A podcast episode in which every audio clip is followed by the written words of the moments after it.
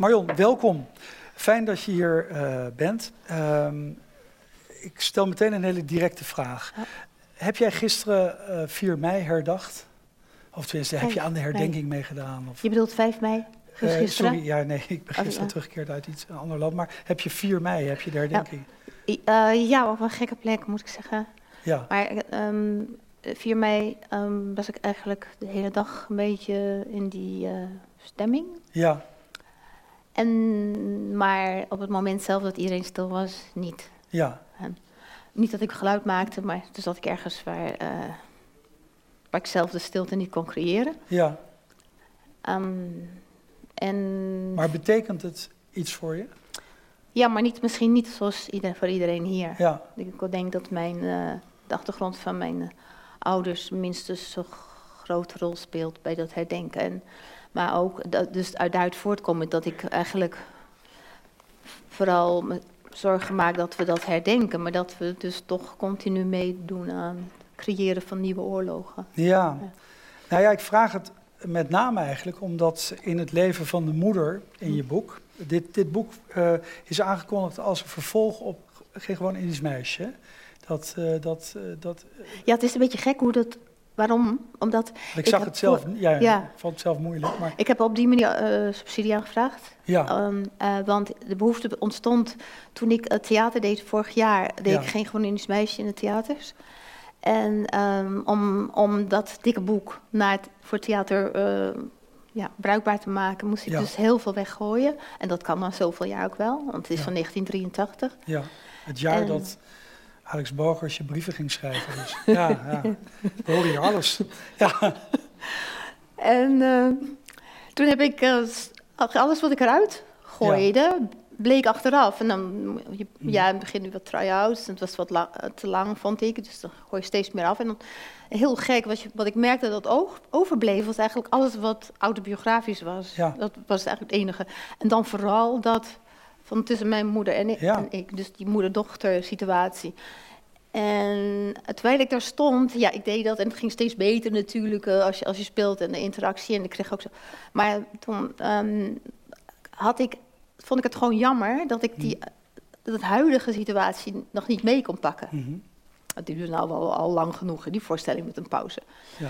En uh, toen ontstond het idee om daarmee verder te gaan. Mhm. Mm -hmm. Dat mijn moeder heeft uh, beginnende Alzheimer. Mm -hmm. En de verhalen die ze mij heeft verteld, die in, in, in geen gewoon eens meisje terecht zijn gekomen, die heb ik uh, uit haar uh, getrokken. Mhm. Toen wij samen naar Indonesië gingen, dat was, ik had van mijn eerst verdiende geld, vond ik dat de eerste die recht had om daarvan te profiteren mijn moeder was. Dus ik heb haar ticket cadeau gedaan en dat heb ik later ook nog een paar keer gedaan. Maar ik ging alleen met haar naar Indonesië. En al die plekken langs van haar. En, en toen kwamen al de verhalen los. Maar ik heb niet alle verhalen in de loop der jaren in mijn boeken nog kwijtgekund. Mm -hmm. En, en wat kon je ik, nu wel kwijt? Ja, nog lang niet alles, maar Ja. het belangrijkste misschien. En, um, en bij mijn moeder merkte ik nu dat zij sommige verhalen een beetje ging vergeten. Die ze gelukkig mij wel heeft verteld. Ja, En toen dacht ik, er komt een dag, dan weet ik het ook niet meer. ja, ik weet nog wat in, boek, in mijn boeken staat. Maar dan weet ik op straks misschien ook niet meer wat ik heb verzonnen. En wat echt was. Mhm. En laat ik nou in godsnaam alles wat er nog is, daar ook wat mee doen. En dat, zo begon het idee. Maar tegelijk ook met, met- ja, dat kan ik alleen maar in relatie tot die angst voor verlies. Voor Mhm. eh, verlies van haar geheugen, maar ook verlies van mijn geheugen. ja. En, eh, en de betekenis van die spe- specifieke rol, die toch universeel is, die moeder-dochterrol, waarbij je als je jong bent gewoon denkt, ik wil niet op haar lijken. En waarbij je Mhm. als je oud bent beseft, ik denk verdomme hartstikke veel mijn moeder. Ja. Weet je? Uh, of je het nou leuk vindt of niet. En, en dat is eigenlijk waarom ik het wilde gaan doen. Ja. En, en ik dacht dat het. ehm, ik heb altijd gedacht dat mijn eh, vader en mijn oma en mijn kleine tante, ik heb een kleine tante, dat, dat die mijn muzen waren. Mhm. En mijn moeder was meer iemand, ja, daar kon ik niet omheen, die had ik nou eenmaal, dat was wel erg genoeg. Mhm. En, en natuurlijk weet je wel dat je die liefde voelt voor je moeder, maar ik voelde het eigenlijk niet zo erg. Nou ja, dat komt ook in je boek voor. hè. Er is een heel klein hoofdstukje en dan gaat het eigenlijk om, eh, om vier woorden. Ik hou van jou. Ja, En dat was dus moeilijk om te zeggen. En ook voor haar, begreep ik. ja ze had het nooit gezegd. Ja, En, eh, en als je dat voorbeeld niet hebt, dan. Hè, Maar ik zou het niet eens kunnen zeggen, omdat wij moesten mijn moeder met u aanspreken. En dat was heel streng op. En mijn moeder had Ja. een harde hand, een hele harde, strenge Smakken hand. mocht niet aan tafel. Nee, onder andere Nee, ja. niet. Ja, er mocht veel meer niet, maar En pol- zeker Je niet. hebt er ook vereeuwigd als mevrouw met een pollepel. Dat is dat altijd. Is dat ding, werkt die? Eh, ja. Nee? Oh, dan moet ik nou ja, waarschijnlijk doen. wel. We gaan het gewoon doen. Anders is er iemand zat gewoon die kan zo aan tafel. Ja. Zo, Oh, ik dacht even dat zo ik klaar. Als het eten kreeg. was waar je Ja, makkelijk dit. om, om, om. Maar En eh, dat is behoorlijk dreigend. Ja, en, en ook, Ja. want ik, eh, toen ik het ook erover ging schrijven, dacht ik, eigenlijk kon ik niet, wist ik niet meer. Hebben we nou zo, was het wekelijks dat we werden geslagen? Was het maandelijks? Ja. Was het misschien maar jaarlijks, twee, jaar, twee keer per jaar? Ja. Of is het misschien in- in mijn hele jeugd maar zeven keer gebeurd? Ja. Maar daar gaat het ook eigenlijk niet om, want het gaat om die dreiging, die continue dreiging dat het kan gebeuren. En mijn moeder had echt die Japanse wetgeving eh, Ja. in huis. Dus als je vijf uur, klokslag vijf uur moest je naar binnen komen, maar ze gaf je nog een kans. Ze begon om één minuut voor vijf te fluiten. Ik kan, weet niet of ik het kan. Ik kan het niet, sorry. Ja. Eh, maar dat was een, een toontje dat dan zo duurde. Eh, Dus dan had je tijdens dat fluitje had je de kans om precies Ja. om vijf uur thuis te zijn. Want we hadden toch geen horloges en zo. Maar dat betekent ook dat je dus al in de buurt moest zijn. Ja. En als je dan later kwam, dan stond ze ook weer klaar bij de deur. Ja. Want ze had daar zo'n rekje bij die, eh, Ja. die is dus de, eh, de keukendeur. En dan had ze hier zo'n rekje met pollepels. Dus had ze al gepakt en dan stond ze al zo klaar. En als je dus net op tijd, dus zeg maar, maar eh 30 seconden later, dan ah, is alleen maar, dat dreigt dus alleen maar. Maar als je vijf minuten Ja. laat was, dan... eh, Maar dat, dat was een ontroerende passage, vond ik, in datzelfde hoofdstukje over dat smakken en zo. Eh, daar zat een soort haat tegen de vader in. Die vader kon ze niet corrigeren, die smakte. En ik meen de oudste broer, die smakte ook. Dat had met eh tandvlees of gebit te maken. Ik had een slechte biologie, dus dat kan ik niet uitleggen. Dan pakken we het boek weer voorbij. Maar dat... Grote tanden, kleine mond. ja, maar, maar ja, dat was toch wel een behoorlijk gespannen situatie. Ja, gelukkig kunnen mijn broertje en ik hebben dat pas. Ik had een soort presentatie voor mijn moeder alleen. Ik had een Ja. print-on-demand versie voor haar, zodat ze het eerder zou lezen dan de rest Ja. van de wereld. En, eh, en dat was, bij ons, dat was de enige dag, een mooie dag eh, toen nog. Eh, en zeg maar een maand geleden Mhm. of zo, of langer. En toen gaf ik dat zo aan haar en ik ging het voorwoord en nawoord lezen. En toen gingen we nog napraten. Mijn broer en mijn zus waren erbij. Mijn broer woont in het buitenland, dus die was Mhm. het die dag, daarom deed ik het. En het was heel, ehm, het was heel plezierig. Ze waren wel heel erg ontroerd. Ze wisten nog niks. Want- Hm. En toen zei mijn eh, broertje ehm, eigenlijk een paar dingen, weet je wel, Mhm. die geraakt was, was heel mooi. Want, en toen, maar toen zei ik tegen hem, ja, er staat iets over jou, dat smakken in. Mhm. En hij geeft, eh, op congressen moet hij lezingen geven over voeding. Of van, dat is zijn ding. Hè. Hij is, eh, hij is eh, Ja. daar, ja, en dat is echt op hoog niveau, over de hele Ja. wereld zegt hij over. En toen zei ik van, ja, ik heb in dat boek geschreven dat jij, ehm, door dat, die straf en dat smakken, dat je daarom alleen maar van soep en van pap houdt, hè, vloeibaar en puree. En hij moest zo lachen. En toen zei hij, oh, ik heb voortaan een extra linea in mijn speech. Die ga Ja, je Dus we kunnen Ja. er wel erg om lachen. Maar mijn broer had heel lang, ehm, als je bijvoorbeeld zo dichtbij, net als ik bij jou Ja. deed, jij bent misschien ook wel geslagen. Want jij dook ook precies zoals hem. Hij weg. Eh, nou, ik, nou eh, altijd- ik, eh, het heeft iets- anders. Ik doe dezelfde. Je bent bang voor mij. Ik nee, nou, ja. Uiteraard. Nee, maar ik doe dezelfde vechtsport als Alex Boger. Ah, maar ik ben, ja, ik ben minder groot talent, dus ik wijk meteen zo achteruit. Vooral de vrouwen doen. Ja. oké. Ja, dat is helemaal gevaarlijk. Nee, maar eh, nog even over, eh, eh, je bent, eh, want dat wilde ik wel graag weten. Kijk, ik heb het eigenlijk als, als ik noemde het een moederboek. Eh, er staat een roman voor. Je hebt motto's, hè? een van Philip Roth, een van Ian Hamilton, waarin je eigenlijk, eh, als ik het zo opvat, zegt van ja, fictie of eh, autobiografie, nou ja, zie maar. En tegelijkertijd staat er een roman op, maar als je het leest, dan ben je toch geneigd te denken van dit is het boek van de moeder van Marion Blom, op een bepaalde manier. Maar je gebruikt wel weer een andere naam voor, de, voor Marion Bloem, zeg maar, voor de schrijfster. Dus eh, waarom heb je dat zo gedaan? Ehm, nou, omdat ik nooit, eh, eh, heet dat, aangeklaagd wil worden door Oké, familieleden. ja, dat is een goede reden. Dat is het eerste belangrijkste. Ja. Eh, mijn moeder niet pijn wil doen. Dus dat mijn moeder toch een ontsnappingsmogelijkheid heeft. Dus als ze het leest, dat ze kan denken van... oh ja, maar het is een roman en Marion heeft een dikke duim. Ja, Als ze het te pijnlijk vindt. Maar achteraf blijkt dat niet te werken, want ze Ja. vindt het gewoon... Dus ze ziet het wel als haar ze kan er ondanks de Alzheimer erg goed over praten. Ehm, maar eh, ook omdat mijn uh, debuut, dat werd voor autobiografisch uh, gezien. En dat, Ja. dat is mij nog achtervolgd. Ik bedoel, wordt nog één gewoon of geen gewoon Indisch meisje genoemd. En dat iedereen gaat ervan uit, dan bijna iedereen, dat het mijn Mhm. autobiografie is. Nou, ik heb net bekend dat er de sterkste dingen in het boek dus ook autobiografisch Ja. zijn. Dus als je die Ja. verhaallijn eruit gooit, dan blijven die events, die zijn dan inderdaad Ja. waar gebeurd.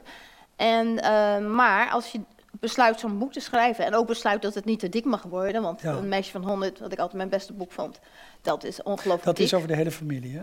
Eh, dat, is een, eh, Ja. dat is wel echt fictie, maar om, om, Ja. maar om een, een ware geschiedenis te vertellen aan de hand van een, eh, een Indische familie. En dit, ehm, wat ik natuurlijk wist, dat, ja, zo autobiografisch als wat. Maar soms moet je gewoon even een, voor een shortcut, moet je van een, eh, een- moet je van een, een, een Indische vrouw een Indonesische maken, want dan kun je die twee gezinnen of die twee, kun je één vertellen of zo. Dat moet je gewoon, ik noem maar een voorbeeld. Of eh, die ervaring in de Bersiap-tijd, dus die revolutietijd. Ja. Ja. dan moest ik toch een beetje zo, want het wordt het 5000 eh, pagina's. En eh, nou, ik vind dat als je dat soort ehm, veranderingen aanbrengt, dan ben je eigenlijk al met fictie bezig. Want jij maakt die keuze en jij besluit wat je weglaat. Dus alleen daarom al vind ik het fictie. Maar ja, aan de andere kant is, is eigenlijk geen woord in gelogen, behalve dat je soms shortcuts moet maken. Ehm, kende je die kant al van je moeder? Je beschrijft haar ook als meisje toen ze uit het Jappenkamp ging, zich buiten de muren of de muren buiten de, de omheining van het kamp waagde eh, en daar bijna haar leven liet. Tot tweemaal toe, hè? Want er kwam een bende, zij noemde het rampokkers tegen, die Ja. siap siap, meen ik eh, zeggen. Wat betekent dat eigenlijk? Siap. Ik heb een beetje Alzheimer, geloof ik. Ja, Ehm, dat is eh, volgens mij een waarschuwing. Oké. Eh, ja, ehm, maar ze kwamen achteraan met stokken, met dolken, met kortom, Ja. ze wilden er kwaad doen. Ja. En daarna nog een keer eigenlijk, hè, dat ze gered is Ja, door die... eh, ja, want, ja ik, volgens mij is eh, Siap iets van ehm, pas op of iets dergelijks. Ja. Of in ieder geval werd het zo gebruikt. Maar ehm, ik weet niet, eh, ik kan een heel groot fout maar hier maken. Want ik, weet het, ik wist het, maar ik weet het niet meer. Maar dat is dus wel een kant eh, die waarschijnlijk Maar- niet zo strookt met de kant zoals jij je moeder kende. Nee, eh, mijn moeder is wel. Eh, iedereen die mijn moeder meemaakt, die weet al eh, binnen zeven minuten ja. dat dat iemand is die je er Ja, zo'n lel van kan krijgen. maar dat is wel een Dus- moedig, moedige daad om Ja, zo als dus- meisje dan daar naar buiten te gaan. Terwijl Ja, ze gewaarschuwd was. Hè? Ik had niet gedacht dat ze, toen ze jong was, ik dacht, ik heb gewoon een strenge moeder die daar handeloos heeft. Ja, En ik heb ehm, pas veel later, ondanks de verhalen die ze me heeft bekend Ja. verteld, maar die vertelde ze niet als stoer. ja. Maar die vertelde ze vanuit haar angst. mhm. Maar door steeds meer van die geschiedenis eh, te weten te komen, dat te onderzoeken, met veel mensen te praten. En ik heb ongelooflijk veel mensen geïnterviewd in mijn leven. Mhm. Kan je dat verhaal steeds beter plaatsen. Ja. En, dus, en dan, daardoor heb ik begrepen, en echt pas echt toen ik het schreef, hoe dapper ze was. Mhm. Ik had het al een, een boek geschreven over voor kinderen. Dat heet Ja. De Kleine Krijster, Krijger. Eh, ehm, en dat was het, mijn moeders verhaal zit er al sterk in. Mhm. M- m- maar dan haar jeugdverhaal. En eh, toen besefte ik eigenlijk al dat ze dapper was. ja. Maar dat is heel geleidelijk gekomen. Ik was al, ehm, ik weet niet hoe oud, mijn zoon was 14 of zo. Mhm. Dus heb ik uh, geschreven dat ik wist dat zij ook gewoon jongens die eh, anderhalve kop groter waren, van die stevige Hollandse jongens die haar uitscholden vanwege die gebrekkige rechterarm. ja. Dat Want ze had kinderverlamming in haar ja, jeugd. ze had op de derde zeggen, ja. kinderverlamming gekregen aan de rechterarm. En moest alles met links. En, en, en, maar links is je foute arm en rechts is goed. En, Ja. Dus dat was al heel moeilijk als kind. Maar daardoor moesten ze ook meer waarmaken. En, nou, ik ging ook pas begrijpen waarom zij ons niet wilde dat wij ons maar lieten uitschelden. En Mhm. ook, de- hè, de- vooral de jongens. Eh, pas eh, toen ik dat verhaal hoorde van haar vriendin... dat zij de, eh, die grote jongens die haar uitscholden, zei van... eh, twaalf uur achter de kerk. En dan zei ze van, je- weet je wel, je maakt, maakt een opmerking over deze slappe arm die bijna niks kon. En die dunne arm. En dan, maar toen zei ze van, dan kan je kennis maken met deze. Ja, En ehm, nou, dat kan zegt ze nog zo fanatiek. En je Ja. moet echt nog geen map van haar krijgen. mhm. En eh, daar heeft ze, volgens haar zeggen ze maar één keer iemand in elkaar hoeven slaan. Mhm. En die dus een, een anderhalf kop groter was, een Hollandse jongen. En is daarna hoeft ze alleen maar te zeggen: Oh, Maar- kennis maken met deze achter de, kom achter de kerk. En dan hield ze een mond. Maar het was dus wel een moeder met hele stevige eh, normen en waarden. Die, eh, je hebt ook een hoofdstuk waarin je een ogenschijnlijk eh, neutraal Nederlands woord als pension.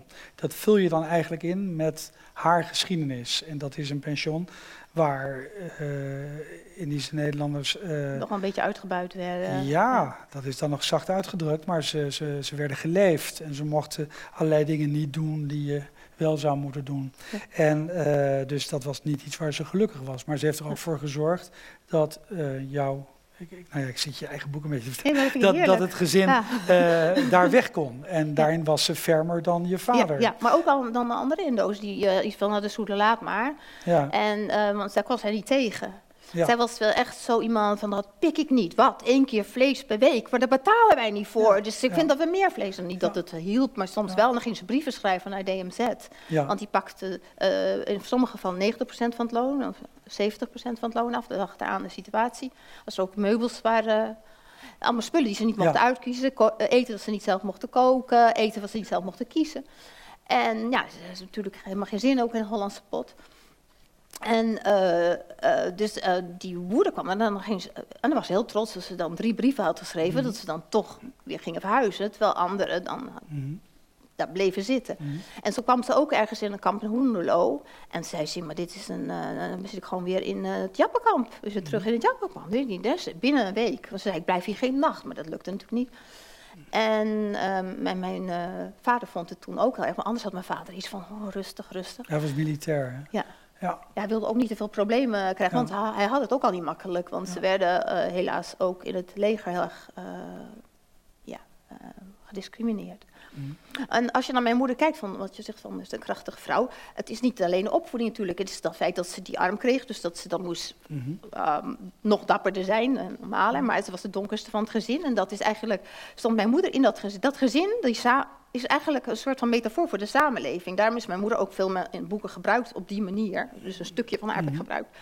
Want ze was de donkerste van het gezin, dus minste kans op eh, om een eh, rijke man te trouwen die ook bedienden kon betalen. Dus zij moest de kip slachten, leren Ja. koken, alle, alle de klusjes van de keuken moest zij doen. Terwijl haar blonde zus, iets ouder, hoefde dat niet. Die kon lekker sporten, leuke Ja. dingen doen, leren dansen en zo. Want die zou wel, eh, die, daar, die kwam wel goed terecht. En de oudste zus was zwaar invalide. Dat is een kleine tante, dat is stapelgek op, dat is onze suikertante. Zo, zo. En ehm, dat was haar voorbeeld, want die moest, die moest toch, zoals ieder normaal eh, gezond mens, eh, werd ze behandeld. En ze moest ook op hun passen. Dus mijn moeder moest, als, de, als ja, dan, want ik heb alleen maar, zij is zwaar ongelukkig en klein en ik heb alleen maar die arm. Dus dan moest daardoor nog, te- nog meer bewijzen. En eh, alleen draaide dat om. En toen in het kamp, ze is op de dertiende het kamp ingegaan. En mijn moeder is eigenlijk van de dertiende tot de zestiende. Dat, dat klinkt zo makkelijk, maar moet je voorstellen dat je... Ik heb nou een kleindochter van tien. En eh, de oorlog begon toen mijn moeder eh, twaalf was. Ehm, dat dat zo'n kind daar ineens dat soort volwassen dingen al zo snel moet doen. En, ehm, en dat eigenlijk dat leuke leventje totaal afgelopen is. Maar dan is het op de zestiende wel uit. Maar dan alleen maar in angst leven. Gewoon in zware angst. En wat heb je dan eigenlijk meegemaakt? Als je dan ook nog nagaat dat ze dan die eerste jaren van de... Dus vanaf de derde, eh, met die eh polio zat, waar ze jaren heeft geduurd voordat ze die arm weer een beetje kon gebruiken. Dus als ik dan, toen ik met haar sprak, ik ging er steeds meer uit, besefte ik opeens, en dat voelde ik, en dat had ik zijn kind nooit eh, beseft, dat ze eigenlijk maar van haar leven maar maximaal twee jaar gelukkig is geweest. En dat zijn haar gelukkige jaren, waar ze het ook altijd over heeft. Maar in die twee jaar is, of net begin van die twee jaar, is haar eh, oudste broer, 16, overleden. Een groot trauma, waar ze ook niet echt, eh, want ze heeft daar die moeder in het graf zien springen en zo. En, eh, en haar vader is ontrouw geweest, waarbij ze de moeder, toen die dat, want de zusjes ontdekten het, zag ze de moeder met de hoofd tegen het marmer slaan tot, het, tot bloed is toe. Dus dan denk je, in die korte periode waarvan ze dan gelukkig is geweest, is ook er nog ook nog dit meegemaakt. Weet je. Eh, Ja. Je hebt daar, eh, het is bijna een mozaïekvorm, hè? het zijn korte hoofdstukjes. Je hebt wat vet gedrukte regels en daarna komt eigenlijk, komen eigenlijk allemaal verhalen. Het is een waaier aan verhalen. Zo kom je heel dichtbij je moeder in het boek. Aan het eind komt er toch een brief eigenlijk. Waarom heb je dat gedaan? Ehm, het was, zoals mijn man zei, het is toch af. Ja, En, eh, man is ook in de zaal. ja. ja. En eh, nou, misschien wel, maar voor mij was het niet af. Ja, Ik vond dat ik mijn moeder had gebruikt. Ik had een, denk ik, een mooi boek geschreven. Mijn moeder Mhm. ook nog, maar ik had er wel gebruik daarvoor. Mhm. Wat had zij daaraan? En, en het was, bedoel, ik, ik begreep wel dat emotie, dat dat wel allemaal oké was. Wat ik, dat- weet je, dat je werkt naar een einde toe. Mhm. Maar voor mij, naar mijn moeder toe, had ik het gewoon niet een eh, einde aangemaakt. Mhm. Je laat ehm, in het begin ook een reactie zien. Hè? Al in helemaal de eerste bladzij volgens mij wordt dan eh, je moeder opgevoerd. Tegelijkertijd wordt eh, de hoofdpersoon, of de, de, de schrijfster, jij dus opgevoerd. Ik maak het maar wat simpeler. En die zegt dan eigenlijk, ik heb mijn moeder eerder gebruikt in een boek. En dan wordt de reactie van de moeder getoond. En dan zie je eigenlijk al dat de moeder het leuk vindt dat ze op zeg maar niet-fictionele gronden door iemand uit de Indische gemeenschap wordt aangesproken. Net had jij het over dat jouw boek waarmee je doorbrak, Geen gewoon Indisch meisje, toch heel erg als autobiografica werd gezien. Is het die honger naar Indische verhalen uit de Indische gemeenschap die daarvoor zorgt dat mensen het altijd als echt, echt, echt willen zien? Is dat het? Ja, maar misschien is het ook wel mijn manier van schrijven natuurlijk. Ja. Eh, want ook ehm, bij Vaders van Betekenis heb ik, ehm, ik heb meer dan 100 mannen in Amerika geïnterviewd. Daardoor durfde ik de brieven te schrijven die in het, in het boek voorkwamen. En de recensenten gingen ervan uit dat die brieven eh, Authentiek authentiek, waren. En we kregen allemaal lof voor die, authentieke brieven. En ook de andere dingen die Ja. authentiek waren uit eh, het zakje wat ze van de vader had gekregen. Ja, Tasje. Maar alles was fictie. ja. Ook, hey, ik heb maar goed research gedaan. Ik durfde het ook niet eerder te schrijven, die geschiedenis van mannen. Mm. Omdat ik dacht, ik moet eerst mannen beter leren begrijpen. En ik moet meer horen van mannen. Hoe voelen ze zich in die kampen? Mhm. En als er helemaal geen vrouwen zijn. En als er dan opeens zo'n Japanse toch zijn. Ja. Wat gebeurt er met die man? Mhm. Dat moest ik allemaal weten. En eh, hier, ehm, wacht even, ik ben even je qua vraag. weet Nou, de vraag was eigenlijk of, eh, eh, of mensen uit de Oh ja, ja. Dus natuurlijk is er ongelooflijke honger. Want dat is ook waarom ik het wil schrijven. Maar niet alleen daarom, maar ik heb een paar redenen. Maar ehm, wilde schrijven. En waarom ik schreef, zoveel over Indische mensen eh, schrijf. Ze kwamen ook naar mij toe. Dan ging gewoon Indische meisjes. kwamen al die ooms, maar niet alleen ooms, al die Indische mensen. Oh, schrijf nou Ja. over dat, schrijf nou over dat. Oh, want eh, er was in de media niks terug te vinden. Zij konden zich niet identificeren met de Ja. manier waarop 4 mei en, en 5 mei werd- werden herdacht en gevierd. Ehm, hun verhalen, dat ontbrak. Mhm. En, eh, en, en je moet, om je trauma's te verwerken, moet je gewoon moet je die kunnen, eh, dat gereflecteerd zien. Mhm. En die reflectie die eh, ontbrak volkomen. En gelukkig was er zo'n blad van eh, Vincent Mailleu, dus eh, Charlie Robinson. Ja, Eh, en dat waren ze ook allemaal op geabonneerd. Dat is ook het enige wat thuis bij mij thuis werd gelezen. dat waren meer straat- en avonturenverhalen. Ja, toch? dat was onvoldoende. Zij Ja. wilde gewoon.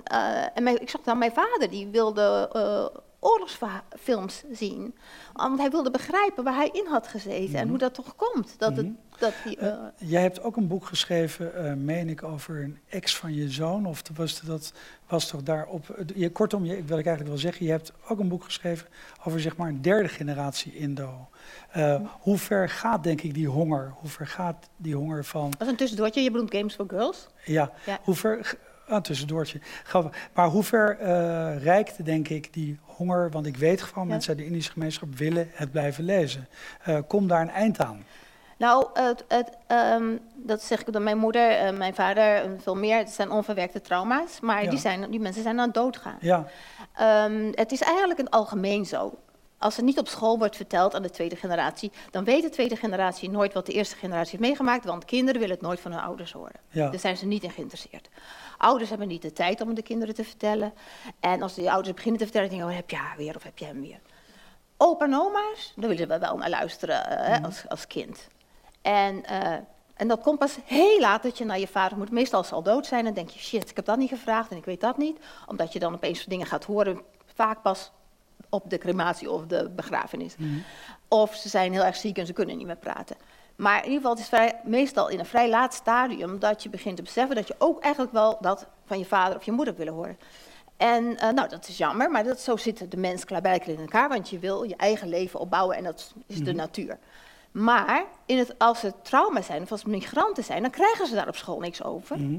En dan is er dus niks om toch te horen. En dan zijn die opa en oma misschien niet eens meer in leven. Of die zijn, hebben, zijn al te veel getraumatiseerd om erover te kunnen praten. Want hoe groter het trauma, hoe moeilijker het is om over te praten. Kijk, als je kijkt, het is niet typisch Indisch. Dan wordt er gezegd, ja, de Indische praten er niet over. Nee, Joodse mensen praten ook niet over wat ze hebben meegemaakt. Die helemaal niet. Maar dat zijn trauma's, hè? Maar in bredere zin... Uh... Ja, maar dit zijn trauma's. Dit zijn trauma's, maar... Wat je niet beseft is dat die hele oorlogsperiode, dat is traumatisch. Ja. We kwamen van een uh, koloniale periode waarin heel veel standenverschillen waren. Waar dus mhm. ook heel vers grote verschillen tussen rijk en arm, maar ook daartussen, die tussenlagen. En als je uh, als man was gestorven, dan was je niet zeker wat er met je gezin zou gebeuren. Want er was er niks. En, en dan kelderde je zo in die, die, die, uh, in die standensamenleving. Er was veel onderscheid, er was uh, op, op, op kleur, op uh, discriminatie, er was sterk racisme. En, maar dat creëerde dus ook een hele verschillende mensen met hele verschillende problematiek. Mhm. Maar iedereen heeft geleden aan die oorlog, of ze buiten of binnenkamp, hè, maar de, wel in mhm. meer of mindere mate. En uh, stoere mensen, zoals mijn moeder, uh, als meisje van 12 stoer, die wil niet buigen, ja, die kreeg klappen van de Jap. Wat doet dat met een meisje van 12? Hè? En die dan uh, eerst is opgevoed met uh, van blank is beter en, en Aziatisch is minder. En schaam je je voor je kleur dan moet je niet vergeten dat die, die, die tijd die was op zich eigenlijk al, als je nagaat, traumatisch. Een, een, een koloniale samenleving, dat onderkennen we te weinig. En je neemt die waarden en normen mee, dan wordt het helemaal op zijn kop. Door die, Want Japanners die pikten dat niet en die draaiden dat om. En, en de, de, methode van, Japan, eh, van de Japan was ook om de Japanners om te straffen, was dus ook mensen, ook bij, uh, bij hun eigen Japanners hoor, die mm. dingen deden die ze niet zagen zitten, als uh, iemand uh, vernederen. Dat is de grootste straf die iemand kan geven. Dus die straffen waren altijd vanuit dat, de gedachte om ze te vernederen. En, en dat, dat, ja, en als dat zie je, je ziet je moeder vernederd misschien, of je broer, of, en, of je wordt zelf mm vernederd, uh, of ze gaan dood, of, hè, mm en, en je ziet ze lijden. Of je bent er helemaal bang voor, want je hebt erover gehoord. Dat is vaak nog erger. Mm -hmm. En dat creëert een sfeer, maar dat is wel vier jaar lang. -hmm. Drie jaar lang. En dan heb je daarna die ongelooflijk angstige tijd, waarbij je helemaal niet weet wie je vijand is. Die is misschien nog wel erger, want hij, daar, die, of die aardig tegen je doet. En, en, dus dat je nergens meer op kan vertrouwen.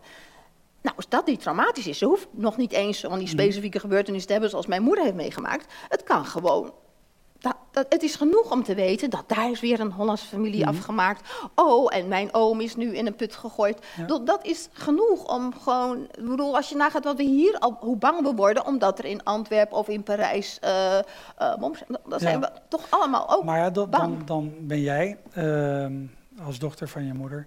ben je een tweede generatie. Hm. Uh, je hebt kinderen. En je vertelde net dat je een kleinkind hebt. Twee, dus, twee Twee klein, dus dat is al een vierde generatie. Die hebben misschien niet meer last van trauma, mag ik hopen. Maar die hebben, hebben die dan nog wel, zeg maar als onderwerp, stel dat ze in jouw hm? voetspoor gaan treden als schrijver. Hebben ze dan nog wel als onderwerp een snijpunt van culturen?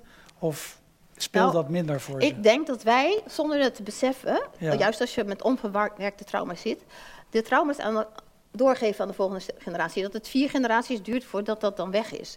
En uh, ik, heb, ik, eh, ik, ben, doordat ik uh, psycholoog ben en schrijver, heb ik misschien wel heel bewust uh, allemaal aan gewerkt. En, en, en, mijn best gedaan om, mm -hmm. om het onzichtbaar zichtbaar te maken. En desondanks heb ik natuurlijk toch ook van alles ongemerkt meegegeven aan mijn zoon. Wat een, een, gevolg is van de trauma's van mijn ouders of mijn mm -hmm. grootouders. En dat doe je, of je wil of niet. En hoe meer je bewust wordt, ben ik van overtuigd, hoe beter je daarmee om kan gaan. Maar um, voor mijn kleindochter is het ook heel moeilijk om het niet te snappen. En voor mijn moeder is het kwetsend dat ze vraagt: Ben jij nou Indonesisch? Mm -hmm. En wat ben jij nou? En ben ik dat dan ook? Dat ja. zijn vragen, die zijn die kinderen mee bezig. Waarom heeft oma een andere kleur? Mm -hmm. en, uh, en niet alleen dan dus die andere kleur, maar waarom vind jij dat en waarom vind jij dat erg en hoezo moet dat dan? Dus waarden die voor die oma van haar en overoma dan heel belangrijk zijn, maar waar haar moeder, Hollandse moeder, ja, de omlacht. Mm -hmm. Nou, dat is verwarrend. En als je dan ook nog gebrek aan historische kennis hebt, mm -hmm. dan is dat heel moeilijk. En ik denk alleen daarom al is het belangrijk dat je je verleden kent, maar ook mm -hmm. dat het land weet. Want het is natuurlijk daar begonnen. Het is begonnen met dat Nederland zo ongelooflijk gretig was om al die waardevolle dingen op Sumatra weg te halen. Maar eigenlijk heb je dan ook dit boek geschreven, Haar Goede Hand, om het aan je kleinkinderen door te geven. Ja, ik hoop dat ze op een dag, ik hoop dat, dat uh, die kinderen dan nog willen lezen. Uh, Nou. dat is natuurlijk. eh, maar dat ze dan in Ze- ieder geval misschien dit als voorleesboek. Maar ze eh, kunnen, weten, lezen. ze kunnen weten wie hun overgrootmoeder is. Ja, maar eigenlijk breder. Ik zou willen dat mensen begrijpen wat, hoe zwaar het is voor migranten als je in, je in de samenleving waar je zit, Mhm. jouw achtergrond, historische achtergrond, wordt ontkend. Ja. Of eh, nou, dan niet, misschien niet ontkend, maar eh, eh, ook niet zichtbaar is. Dankjewel. Merci. Ja. Oké.